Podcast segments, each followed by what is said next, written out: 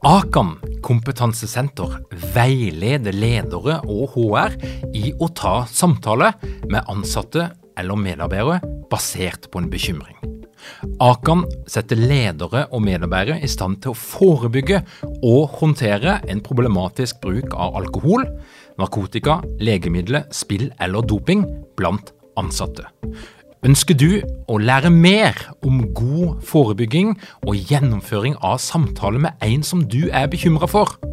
Da kan du nå få tilgang på Akan sitt digitale samtalekurs til spesialpris, kun 760 kroner. Målet med kurset er å gjøre deg tryggere i det som kan være en krevende, men viktig samtale å ta i lederrollen. Du får tilgang til kurset med å gå til samtalekurs.no, samtalekurs.no, og bruke kampanjekoden LEDERPODDEN. Tilbudet gjelder ut april. 2. mars nærmer seg og vi snakker om starten på lederprogrammet 2021. Vi er på vei til å bli utsolgt. Akkurat nå så er det fire ledige plasser på Ambisiøs, fire ledige på Motivert. Det betyr at i det øyeblikket du klikker deg inn på lederprogrammet.no, så kan det være utsolgt, men hvis du er interessert og har lyst til å få med deg dette her programmet, så bør du i hvert fall ta en sjekk. Og så hvis det er helt utsolgt, så kan du sende en e-post, så skal vi se om vi kan få noe til. Men lederprogrammet 2021 tolv ukers digitalt lederutviklingsprogram. Du møter ni av landets fremste eksperter på psykologi og ledelse. Det ser ut til å bli utsolgt, og du kan komme deg inn på lederprogrammet.no hvis du har lyst til å få det med deg litt i siste liten.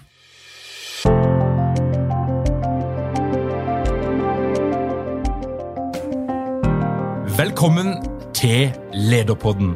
Mitt navn er Tor Åge Eikerapen. Jeg jobber som organisasjonspsykolog og foredragsholder, og dette her er en podkast om ledelse.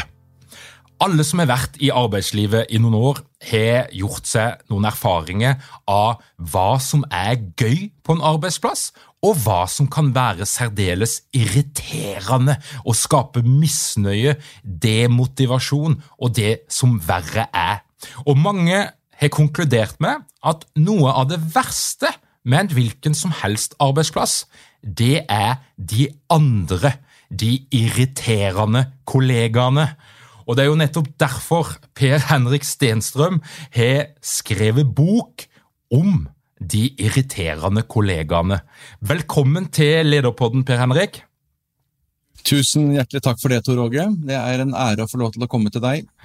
Tusen takk. Og du er altså nå ute med boka som endelig har satt ord på det som alle ofte går rundt og føler på. Eh, både vanlige medarbeidere, men òg oss som, som jobber inne i organisasjoner som rådgivere, eh, som konsulenter eller hva det måtte være. Så har vi jo sett og gjennom mange år at det er noen typer som, som dukker opp igjen eh, stadig, som skaper litt trøbbel, litt irritasjon og gnisninger. Per Henrik, for, fortell litt. Eh, du har skrevet en bok. De irriterende kollegaene på jobben, eller om de irriterende kollegaene på jobben. Men Kan du ikke gi oss en, en kjapp liten recap på, på hvordan havna du opp i, i, dette her feltet? For du er jo altså da eh, landets eh, eh største ekspert etter hvert på nettopp ja, men altså Du er jo det på irriterende kollegaer. Du har gått i dybden på hva, hvem er de her irriterende kollegaene.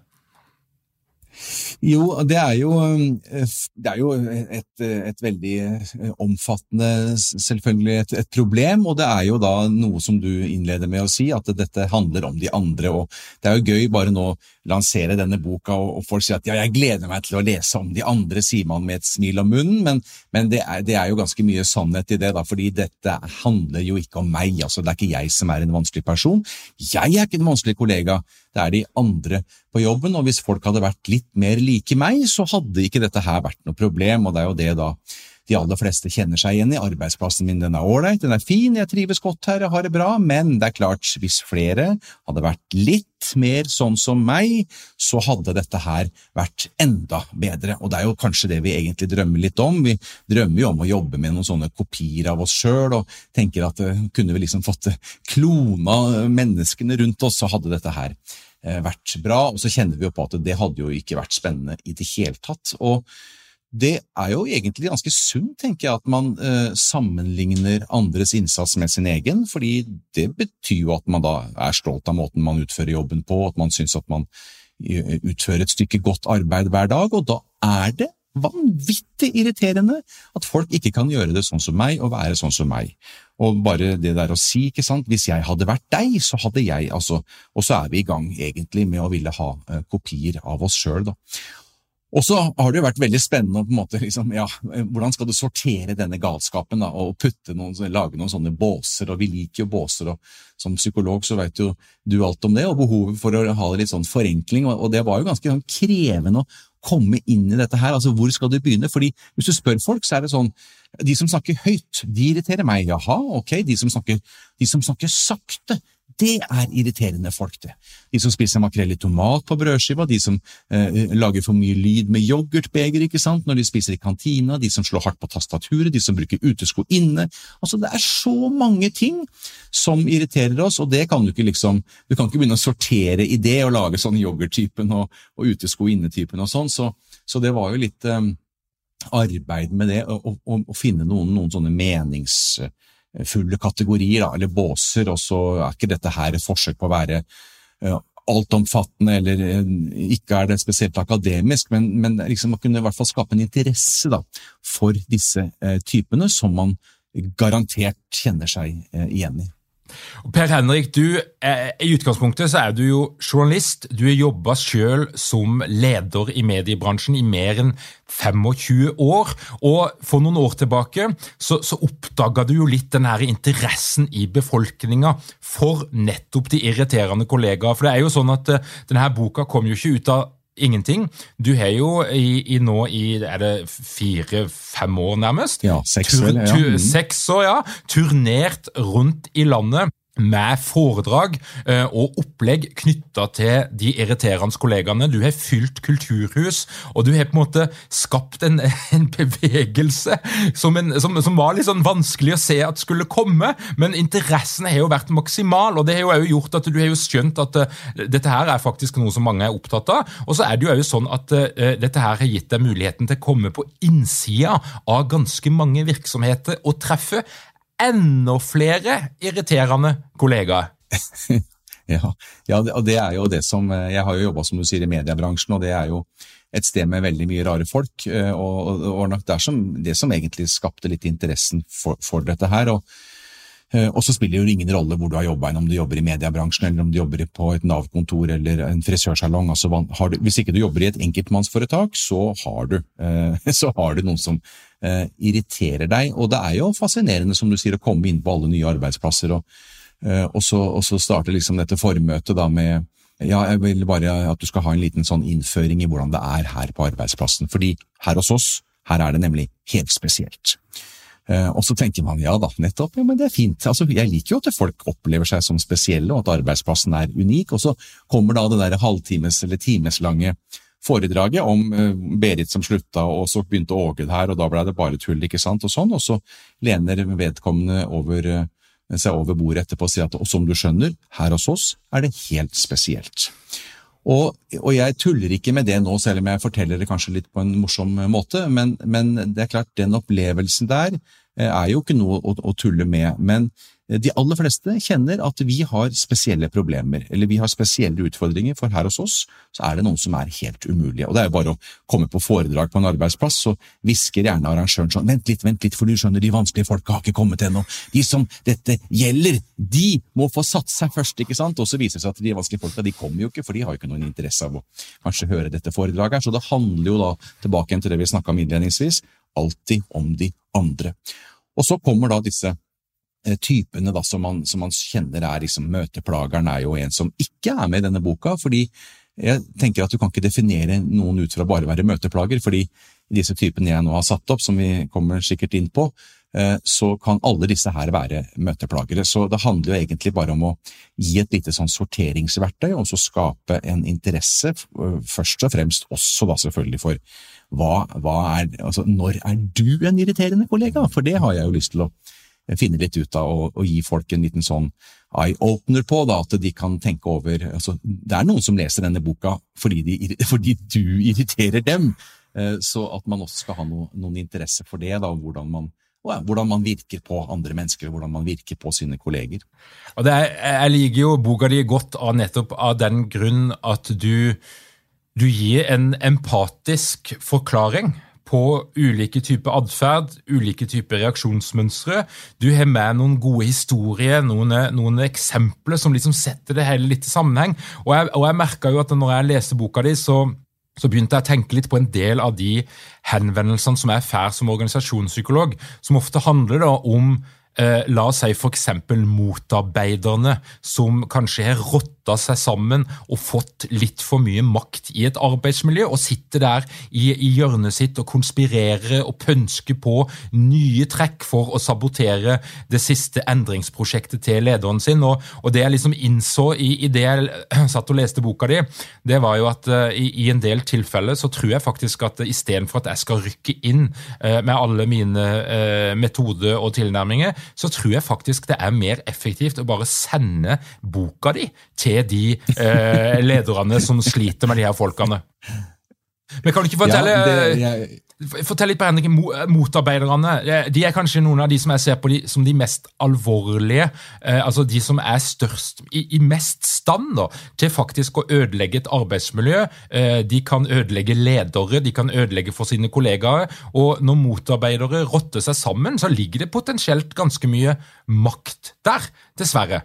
Eh, men, men, kan ikke du fortelle litt, hva, hva er det som karakteriserer motarbeideren? Det er jo den aktivt uengasjerte, altså som driver denne her fagforeningen, eh, motarbeidernes eh, fagforening, hvor man koser med misnøye, som jo er et sånt vi kjenner oss alle igjen, alle har en, en, motarbeider på jobben, og det er aldri meg. Jeg har aldri møtt en motarbeider. Altså, jeg har aldri møtt noen som på en måte har innrømmet eller tilstått at jo, jeg kan nok kanskje Eh, være litt sånn. og Det er jo pussig, fordi når vi da vet at det, at det, finnes så mange av dem. Så dette er som du sier, altså det er destruktivt, ikke sant, og det er litt sånn passivt aggressivt, dette her.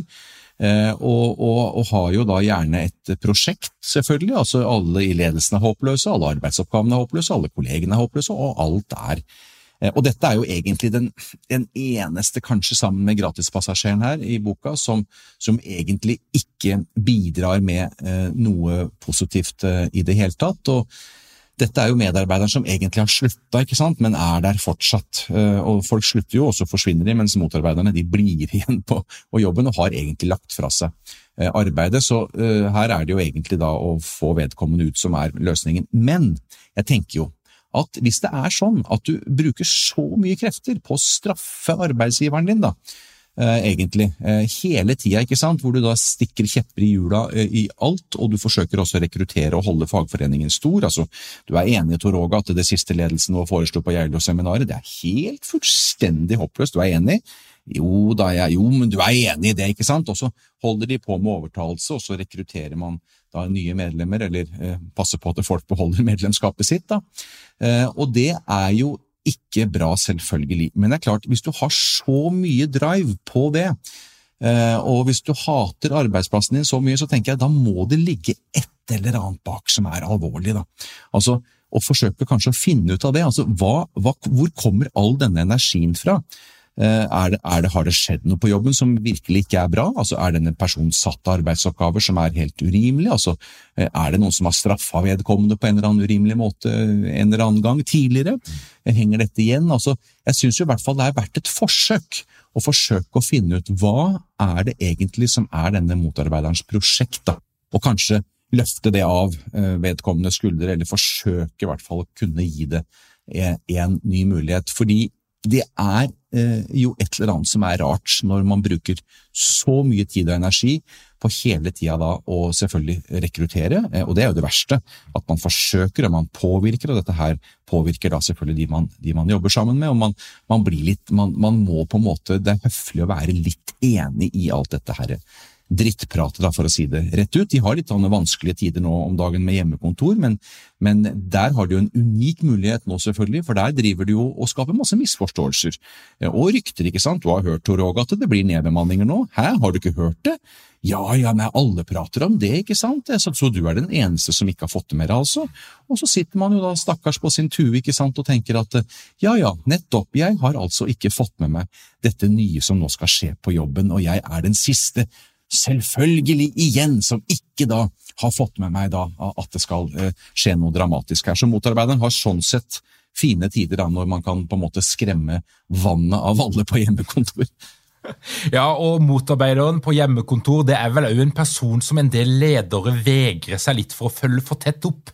Eh, sånn at jeg tror nok det er en del motarbeidere som får lov til å sitte litt og holde på. Og nå er det, som jeg tror, jeg tror du skriver noe om det i boka, for du har et lite kapittel om hjemmekontor, og nå er det ingen som vet hva motarbeideren helt holder på med. Og det er vel kanskje noe av det samme med gratispassasjeren, at nå er det, ja. nå er det mye oppussing. Ja, nå, nå, er det, og dette beskriver jo ledere, og det er jo løypemeldingen som kom ganske raskt eh, i mars-april, at de du vanligvis ikke klarte å fange opp og, og, ha oversikten over, de som ikke leverte 100 de, de, de mister du nå. Eh, og, og det er det jo mange som selvfølgelig eh, kjenner på, at man ikke har helt denne oversikten, og at det finnes en hel haug med gode unnskyldninger for at å ja, men jeg driver jo med så mye annet og så videre, og jeg har jo liksom dagene fulle, og det er blitt kasta på meg osv. Her. Altså utnytter denne manglende oversikten, da, som selvfølgelig mange nå har klart å gjøre noe med også, men sånn i begynnelsen, de første månedene, så var jo dette her et kaos for mange. Og er det du ser for noe som eh, den mest eh, irriterende mm, kollegatypen på eh, hjemmekontoret? Nå har vi jo gått gjennom mange faser, og en del har jo snart sittet i ett år på hjemmekontor, og, og, det er nok litt annerledes kanskje enn det det var de første månedene. Men kan du ikke gi oss litt sånn innsikt? Hva er liksom den mest irriterende hjemmekontoratferden?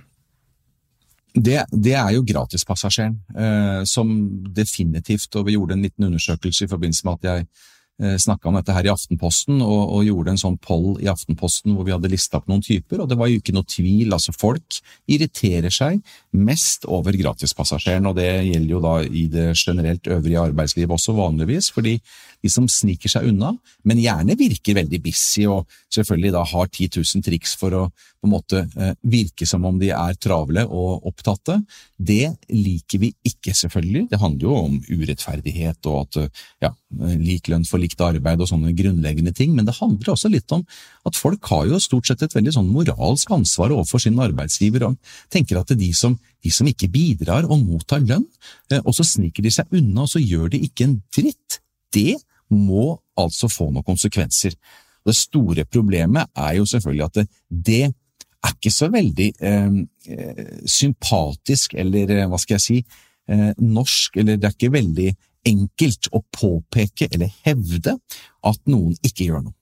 Eh, og det driver man jo selvfølgelig med i gangene og i krokene, og det de vi kjenner, og du har fått med deg at Berit ikke gjør en dritt, ikke sant? Ja, ja, ja, du har fått med deg det, du, ja, ja, nei, de har sånn vært, har vært i årevis, og så er vi to som veit, og så har vi plutselig fire som veit, og dagen etter så er det 32 som veit dette her, og da har vi på en måte bestemt oss for at sånn er det. Så kan det jo hende, da spesielt i hjemmekontortid, tenker jeg, at det er jo faktisk noen sånne ufrivillige gratispassasjerer også, Eh, som havner litt der, egentlig eh, ikke av helt fri vilje, og har kanskje ikke vært det før, fordi det er ikke like lett å ta til seg oppgaver, og lederen kommer jo vanligvis til meg og sier at nå kan du gjøre sånn og sånn, og når du er ferdig med det, så kan du gjøre sånn, og en kollega kommer og sier kan du hjelpe meg med det, jo, men sånn liker jeg å jobbe, mens i hjemmekontorsituasjonen så er det ingen som gjør det på samme måte, og det er klart da er det også noen som havner litt sånn ufrivillig eh, i den der gratispassasjer rollen, og det er jo ikke noe hyggelig. Og så er det litt vanskelig òg. Altså, liksom, du, jeg har litt lite å gjøre om dagen, kan jeg, kan jeg få litt mer å gjøre? Liksom, Hva? Hva da? Hvor lenge har du hatt lite å gjøre? Nei, nei, nei, nei det er bare, bare, i dag, bare i dag. Slapp av, liksom. Jeg har holdt på, holdt på hele tida, jeg. Så, så det der er jo Men i sum, eh, de som ikke står og drar i taulaget når vi skal trekke sammen, og så ser du at en står bak deg og ikke drar, og du ser at en står eh, foran deg og ikke trekker, da blir vi forbanna, og da har vi lyst til å si fra til sjefen. Og det er jo faktisk en lederoppgave, det da. Mm. Eh, det er jo ikke en kollegaoppgave, mener jeg, å bry seg med gratispassasjeren, men det å skape synlighet og transparente team og alt dette her. og Ikke for å overvåke, men for at vi skal kunne ja, se litt, altså hva er det vi jobber med, eh, hva er det vi driver med, hvor sliter vi, hvor skal vi sette inn kruttet, hva er det vi ikke får til, hva får vi til, altså. De gode teamene og de gode arbeidsplassene, de gjør jo det, og da blir det nesten umulig å være gratispassasjer. Når du, zoomer ut, Per Henrik, så er det jo uh, et litt sånn Du har en, en litt, alvor i beskjeden din òg. Uh, for, for, for, du sender jo ut et litt sånn signal gjennom boka di, sånn som jeg opplever det, om at Folkens, skjerp dere litt, da. Altså at, at, at, vi er litt for kjappe av og til til å dømme folk, litt for kjappe til å la oss irritere folk, og litt for kjappe til å skape problemer ut av noe som vi egentlig kan ta ansvar for sjøl og, og, klare å håndtere. Hva, hva syns du om, eh, hvis vi skal liksom skjære alle over en kam og være kjempegenerelle, hva irriterer deg mest med norsk arbeidslivskultur? Ja, altså det er jo eh, definitivt eh, at vi peker Har dere mange ledere uten trening eller utdannelse innen ledelse? Mangler dere en felles kultur og praksis for ledelse? Ønsker dere å være bedre rustet for fremtidig vekst og endring? Da kan et internt lederutviklingsprogram være en god investering. I Execu så er vi eksperter på å designe og gjennomføre bedriftsinterne lederutviklingsprogram. Hvis du ønsker å lære mer om hvordan vi kan hjelpe dykken til å få enda bedre ledere, ta og klikk deg inn på execu.no.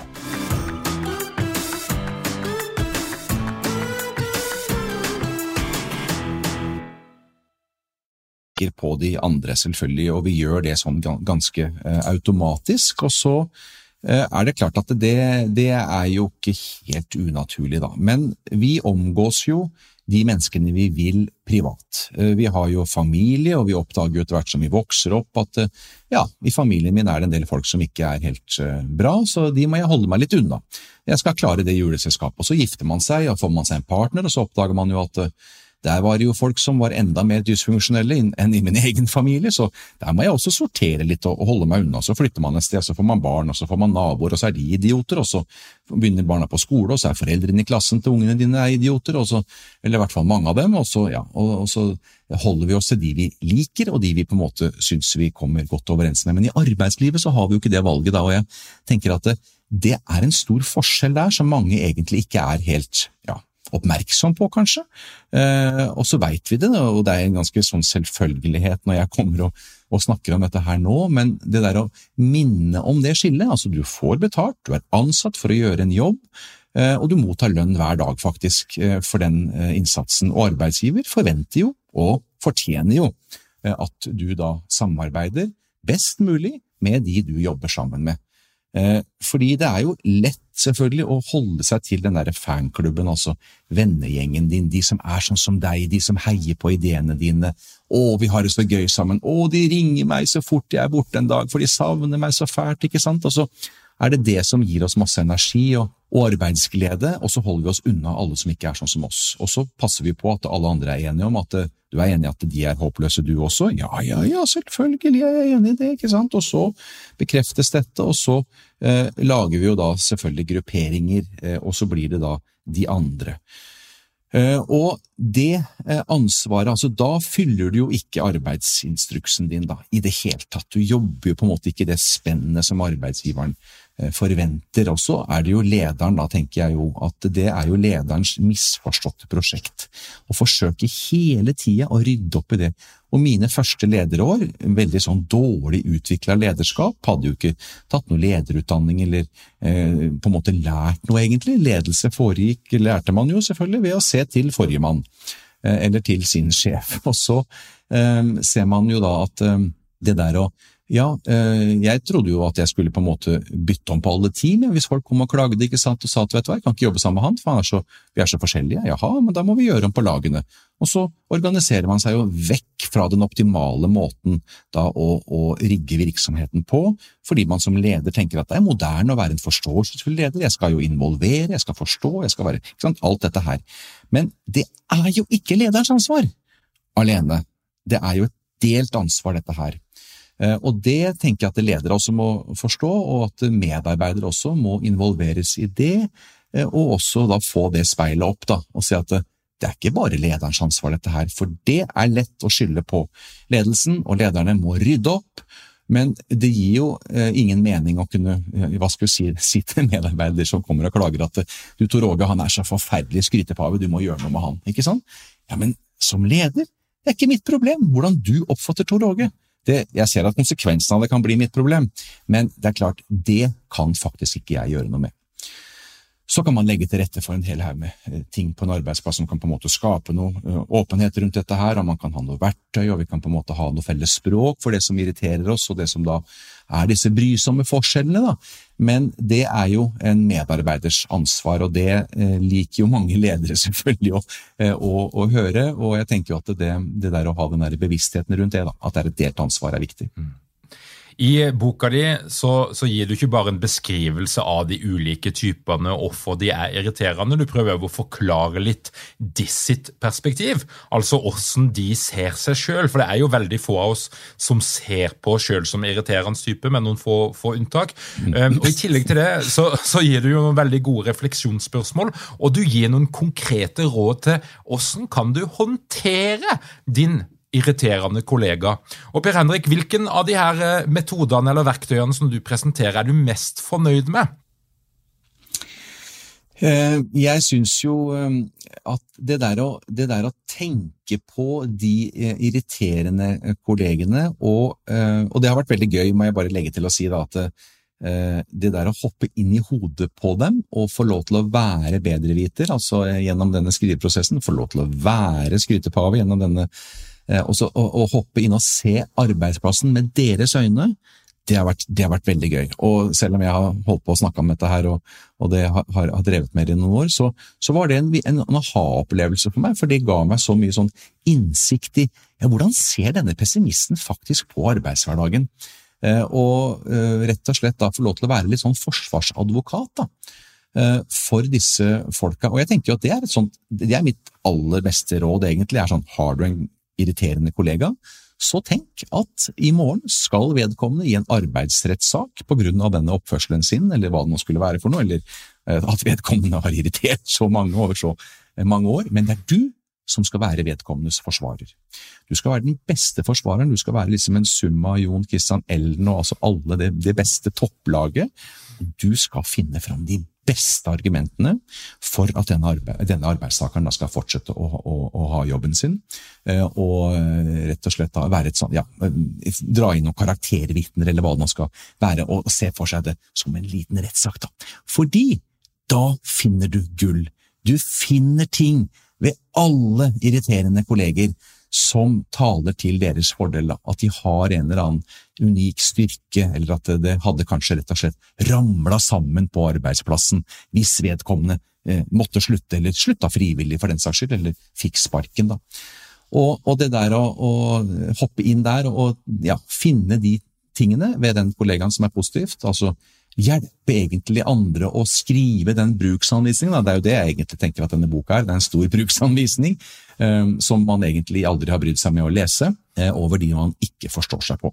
Så, så det syns jeg det, det, er liksom, eh, det har jeg tenkt at det må være liksom det beste um, uh, ja, rådet, da, eller refleksjonsoppgaven som du spør om. Og så har du en, en, historie i boka di som, jeg, der, som jeg ble faktisk litt sånn rørt av i, i, i, et sekund der, og som også fortalte, som viste meg liksom noe av den der magien som av og til skjer når du, når du graver litt dypere i ditt ønske om å prøve å forstå den andre. For av og til så legger vi jo vrangvilja til med vilje. Altså, vi, vi liker faktisk å, å, å, misforstå folk og liksom ta ting på verst mulig vis. Eh, men, men, men, du har jo et eksempel der med Irene og Vibeke, tror jeg det. Der det er vel er, er det Vibeke som er skrytepaven? Ja, Uh, ja, det er, stemmer nok, ja. Mm. Og der Det er altså en historie om en kvinnelig kollega som, som skryter av alt mm. som skjer, ja. både i privatlivet og på jobben, og som er bare mm. konstant på skryteren. og eh, der, eh, der, det blir en, en, en, samtale, der en dykker litt dypere, og der det viser seg at det er en, en god grunn. Kan du ikke gi oss litt sånn innblikk i det som du, du viser der? Jo, fordi dette her er jo, Alle disse eksemplene som disse kollegatypene er beskrevet med, er jo henta fra da, eh, ja, kunder eller, eller e, e, egne opplevelser fra eget arbeidsliv, og så er de litt lettere omskrevet, så ikke de skal være så gjenkjennbare, mens noen er nesten spot on fordi kunden eller de personene som er involvert her, eh, har godkjent det. Men eh, også er det da jo, Det er jo aldri noen fare å beskrive veldig usympatiske mennesker, eh, fordi de vil aldri kjenne seg igjen uansett når de leser det. For det, nei, det der handler ikke om meg. Nei! Eh, ikke i det hele tatt. Det er helt umulig at det skulle være meg det skrives om der. Men dette her er jo en historie fra et sykehusmiljø, eh, som jo da, i likhet med de andre, er, er, er jo helt sann, men en, en, en ufordragelig skrytepave som eh, bruker alle mulige anledninger eh, og snikskryter. og ja, I dag skrev vi ut en pasient, og vedkommende var så fornøyd med min innsats, og det ble satt inn en konfekteske her, men jeg tenker at jeg er så raus, og jeg deler den med dere andre, for det var jo ikke bare jeg som var flink med den pasienten, dere bidro jo litt, dere også. altså. Ja, Nå er det rydda på lintøyrommet, og det var lenge siden sist, ikke sant. Altså Alltid sånne små ting som ja, og den, på denne arbeidsplassen her så ble det nesten beskrevet som, en, en, som et problem, fordi eh, det kunne, de, altså at det gikk utover eh, medarbeidernes konsentrasjon. da. Eh, eller, og motivasjon, selvfølgelig, men også faren for at man rett og slett kunne gå feil fordi man var så irritert på denne kollegaen, som jo alle da eh, opplevde som, eh, som Irene, som du beskriver, som, som veldig ja, provoserende i alt. og Det var liksom skryt av ektemann, og det var barn, og det var på en måte ingen grenser. Tok mye plass. Og så er det jo rigga en sånn øvelse her da, hvor man jobber litt med dette her, og da har jo ikke jeg skrevet meg inn, men jeg kan jo si det her, at det var jo da hvor jeg fasiliterer en sånn øvelse. Eh, og så kommer det jo fram da at hun forteller jo, og jeg blir nesten rørt av å snakke om det her, eh, forteller jo om en barndom ikke sant, hvor de ikke har blitt sett, eh, aldri fått skryt for noe som helst, tenkte at en utdanning er helt umulig for meg å få til, og klarer å bli sykepleier, ikke sant, og så har hun tenkt allerede fra som barn at jeg, jeg skal skryte så mye, men jeg tror aldri jeg kommer til å få noe å skryte av. Eh, og så var det på en måte årsaken da, til at hun Og det er klart, jeg snudde jo synet på hos alle på denne kollegaen, eh, og man tålte jo så mye mer, og man savna jo nesten litt sånn skryt etterpå, hvis det ikke kom da, fordi man kjente at dette her er viktig for denne personen. Så det, ja, det, var, det, det, gikk inn på meg også. Ja, og Det er et knallgodt eksempel, for det viser jo noe av krafta i det å by litt på sin egen sårbarhet. Altså Med en gang denne kollegaen setter litt ord på sjøl, hvorfor er jeg skrudd sammen sånn som jeg ja, men så blir det jo så mye lettere å snakke om det og håndtere det, og spenninga eh, synker. Og så er det jo ja. noe med den, den, andre elementet, nettopp dette her med Jeg tror det er jeg har en kollega som er veldig uh, godt dreven på latin. og han, Jeg tror han har sagt at ordet respekt det betyr se en gang til. Uh, og, og, og, det er jo nettopp det det òg handler om. At bak irriterende atferd så er det av og til det skjuler seg en historie. Det skjuler seg noen sårbarheter. Det skjuler seg ting som ikke nødvendigvis er så, så, så hyggelig. Og hvis vi hadde sett, mm. sett det og forstått det, så hadde det kanskje vært lettere å akseptere. Um, når det er sagt, så må jeg jo si at eh, det er jo ikke nødvendigvis uh, sånn at det at vi kan forstå en atferd, er det samme som at vi skal akseptere alle typer atferd. Nei, nei, nei, og det, og det, er viktig, og denne boka her uh, berører jo ikke de altså trakasseringer, mener altså alle disse alvorlige fordi det fins jo folk som, som er gærne, og det fins idioter selvfølgelig på enhver arbeidsplass, men men jeg tenker at hvis du starta boka og åpna den og begynte å lese den og tenker at du har ti idioter, eh, så kan det hende at du kanskje eh, avslutter boka og tenker at det kanskje, er, kanskje er det bare to, kanskje er det bare tre, faktisk. Jeg vet ikke, men nå har jeg på en måte fått blitt litt mer glad i, eller nysgjerrig på hvert fall på, på, noen av dem. da, og Man skal jo ha selvfølgelig eh, stor respekt for, for folk som eh, går til jobb hver dag og rett og slett da eh, blir ja, trakassert eller blir behandla på en måte som, eh, som handler om mye, mye mer enn denne denne, denne, brysomheten eller denne irritasjonen som jo da egentlig bare går litt utover altså viljen til å gå på jobb, altså at man kjenner at det og Jeg syns du har sagt det der godt en gang, altså hvis, på en skala fra én til seks, hvis du da har det hvis du opplever at det, det, er tre eller dårligere, da, da, er det et eller annet som, da må, må det gjøres noe. Da må det kanskje involveres en leder, og da må man kanskje også kunne ta den vanskelige samtalen med den kollegaen som, som påvirker. Men prosjektet sånn, fra min side har jo vært at man skal ikke forsøke å gå inn og endre folk. Det veit vi at det funker jo ikke, enn så lenge. Selv i 2021 så får vi ikke gjort så mye med det. Eh, så inntil videre så får vi jo da på en måte forsøke å, å, å starte med oss sjøl og, og, vårt syn, og kanskje se mennesker med, med noen nye øyne. Vi har jo en eh, foredragskollega i Sverige, eh, Per Henrik. Eh, for meg der møttes jo faktisk som foredragsholdere første gang, så derfor så tror jeg vi kan, vi kan si det sånn. Og Han, han har jo gjort stor suksess med, med boka 'Omgitt av idioter', og, og, nå har han da skrevet en rekke omgitt av, altså, omgitt av det ene og det andre. Ser du for deg at hvis denne boka havner på toppen av salgslistene, så får vi snart f.eks. de irriterende partnerne, de irriterende sviger, Altså, ser du noen, eh, noen muligheter? Eh, nei, Jeg har ikke tenkt så mye på det, men det er klart at det har vært veldig gøy å skrive den boka. og Jeg kjente jo underveis i skriveprosessen at her kan det hende at det ligger en bok til. Eh, og, jeg, og, det er klart at det kan jo hende at man kanskje skal se litt på, på ledere. Det er jo dessverre sånn at de aller fleste eller ikke de aller fleste, men veldig mange har veldig mye å, si om lederen sin. Én av tre eh, syns jo at de skulle hatt en bedre leder. Eh, det er en folkesjukdom, nesten. Eh, og altså, jeg hadde fortjent en bedre leder, ikke sant. Han forrige var håpløs, og vedkommende som er her nå er jo helt sjanseløs. Men kanskje en dag så får jeg en bedre leder, hvem vet? Kanskje aldri. Og det er jo ikke så unaturlig det heller. Vi syns jo vi fortjener det beste. Vi syns jo vi fortjener den beste partneren, og, og, og selvfølgelig også en, en god leder. Men så vi får se litt på, på det, da. Men det er klart at det, det der å, å, ha litt sånne ulike perspektiv på arbeidslivet Vi tilbringer så mye tid der. Vi er der jo åtte timer om dagen. Så jeg syns jo det er veldig, veldig spennende. Og så, spennende, og så tenker jeg at som du snakka om litt innledningsvis, at jeg da satte i gang å snakke om idioter på jobben. Jeg begynte å snakke om altså, primadonnaer, vanskelige kolleger, altså, og det var jo mange som sa men du kan ikke snakke altså, oh, nei, nei, nei, nei, det er livsfarlig! Eh, fordi du må heller gjøre det mye hyggeligere og sånn, eh, skape godt arbeidsmiljø og kunsten og være en god kollega, som er en tittel på foredraget mitt som jeg bruker for de litt skvetne kundene som tenker at det blir altfor skummelt å snakke om idiotene på jobb. Men da sier vi kunsten å være en god kollega. Men jeg starter starta med et sånn brutal inngang på det, eh, og tenkte at dette skjønner folk, at det er sagt med litt glimt i øyet, men det er blodig alvor. Det er blodig alvor, dette her. Og jeg husker jeg hadde en sånn eh, lakmustest i en taxi oppe i Tromsø, jeg hadde vært og holdt foredrag. Og så spurte, så spurte taxisjåføren meg, jeg kom ut i bilen og skulle på flyplassen, så sier han ja, hva er det du har gjort for noe da? Nei, jeg har vært og holdt foredrag. Å ja, hva er det du holder foredrag om, sa han. Og så sa jeg jeg holder foredrag om vanskelige kolleger, sa jeg.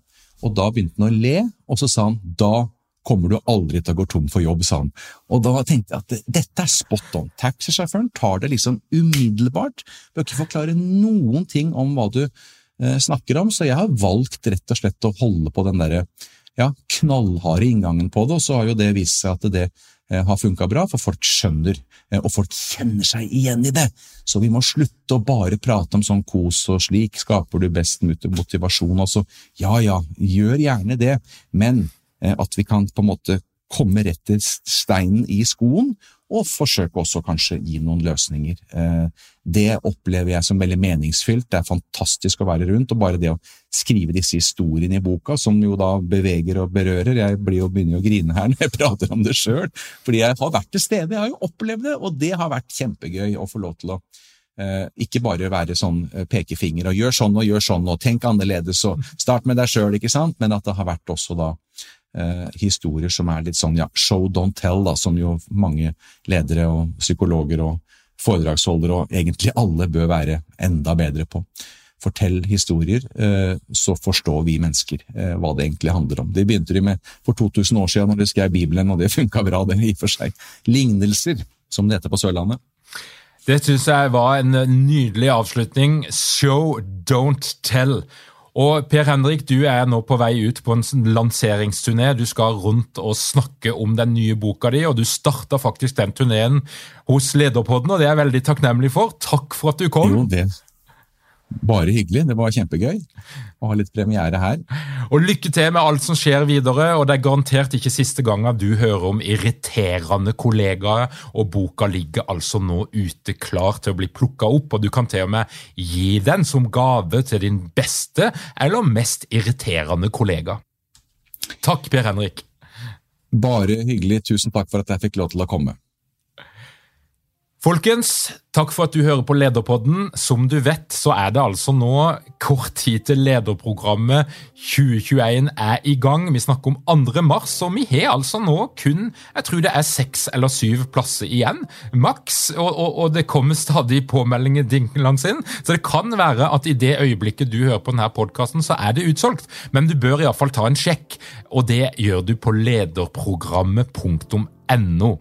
Hvis du ønsker å holde deg oppdatert på alt som skjer i Lederpoddens rike, få beskjed om livesendinger, pop-up det ene eller det andre, så er det lederpodden.no som er stedet. Der finner du alle våre episoder, du finner videoopptak av livesendinger, og du kan melde deg på vårt nyhetsbrev som kommer hver fredag med ulike faglige innspill og en liten varsling om at det ligger en ny episode av Lederpodden ute.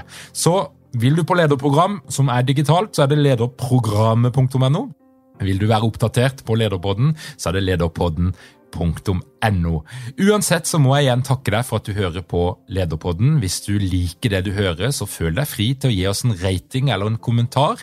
Det er veldig hyggelig, og det gjør at flere kan få bli kjent med Lederpodden. Og uansett så ønsker jeg deg ei veldig god arbeidsuke.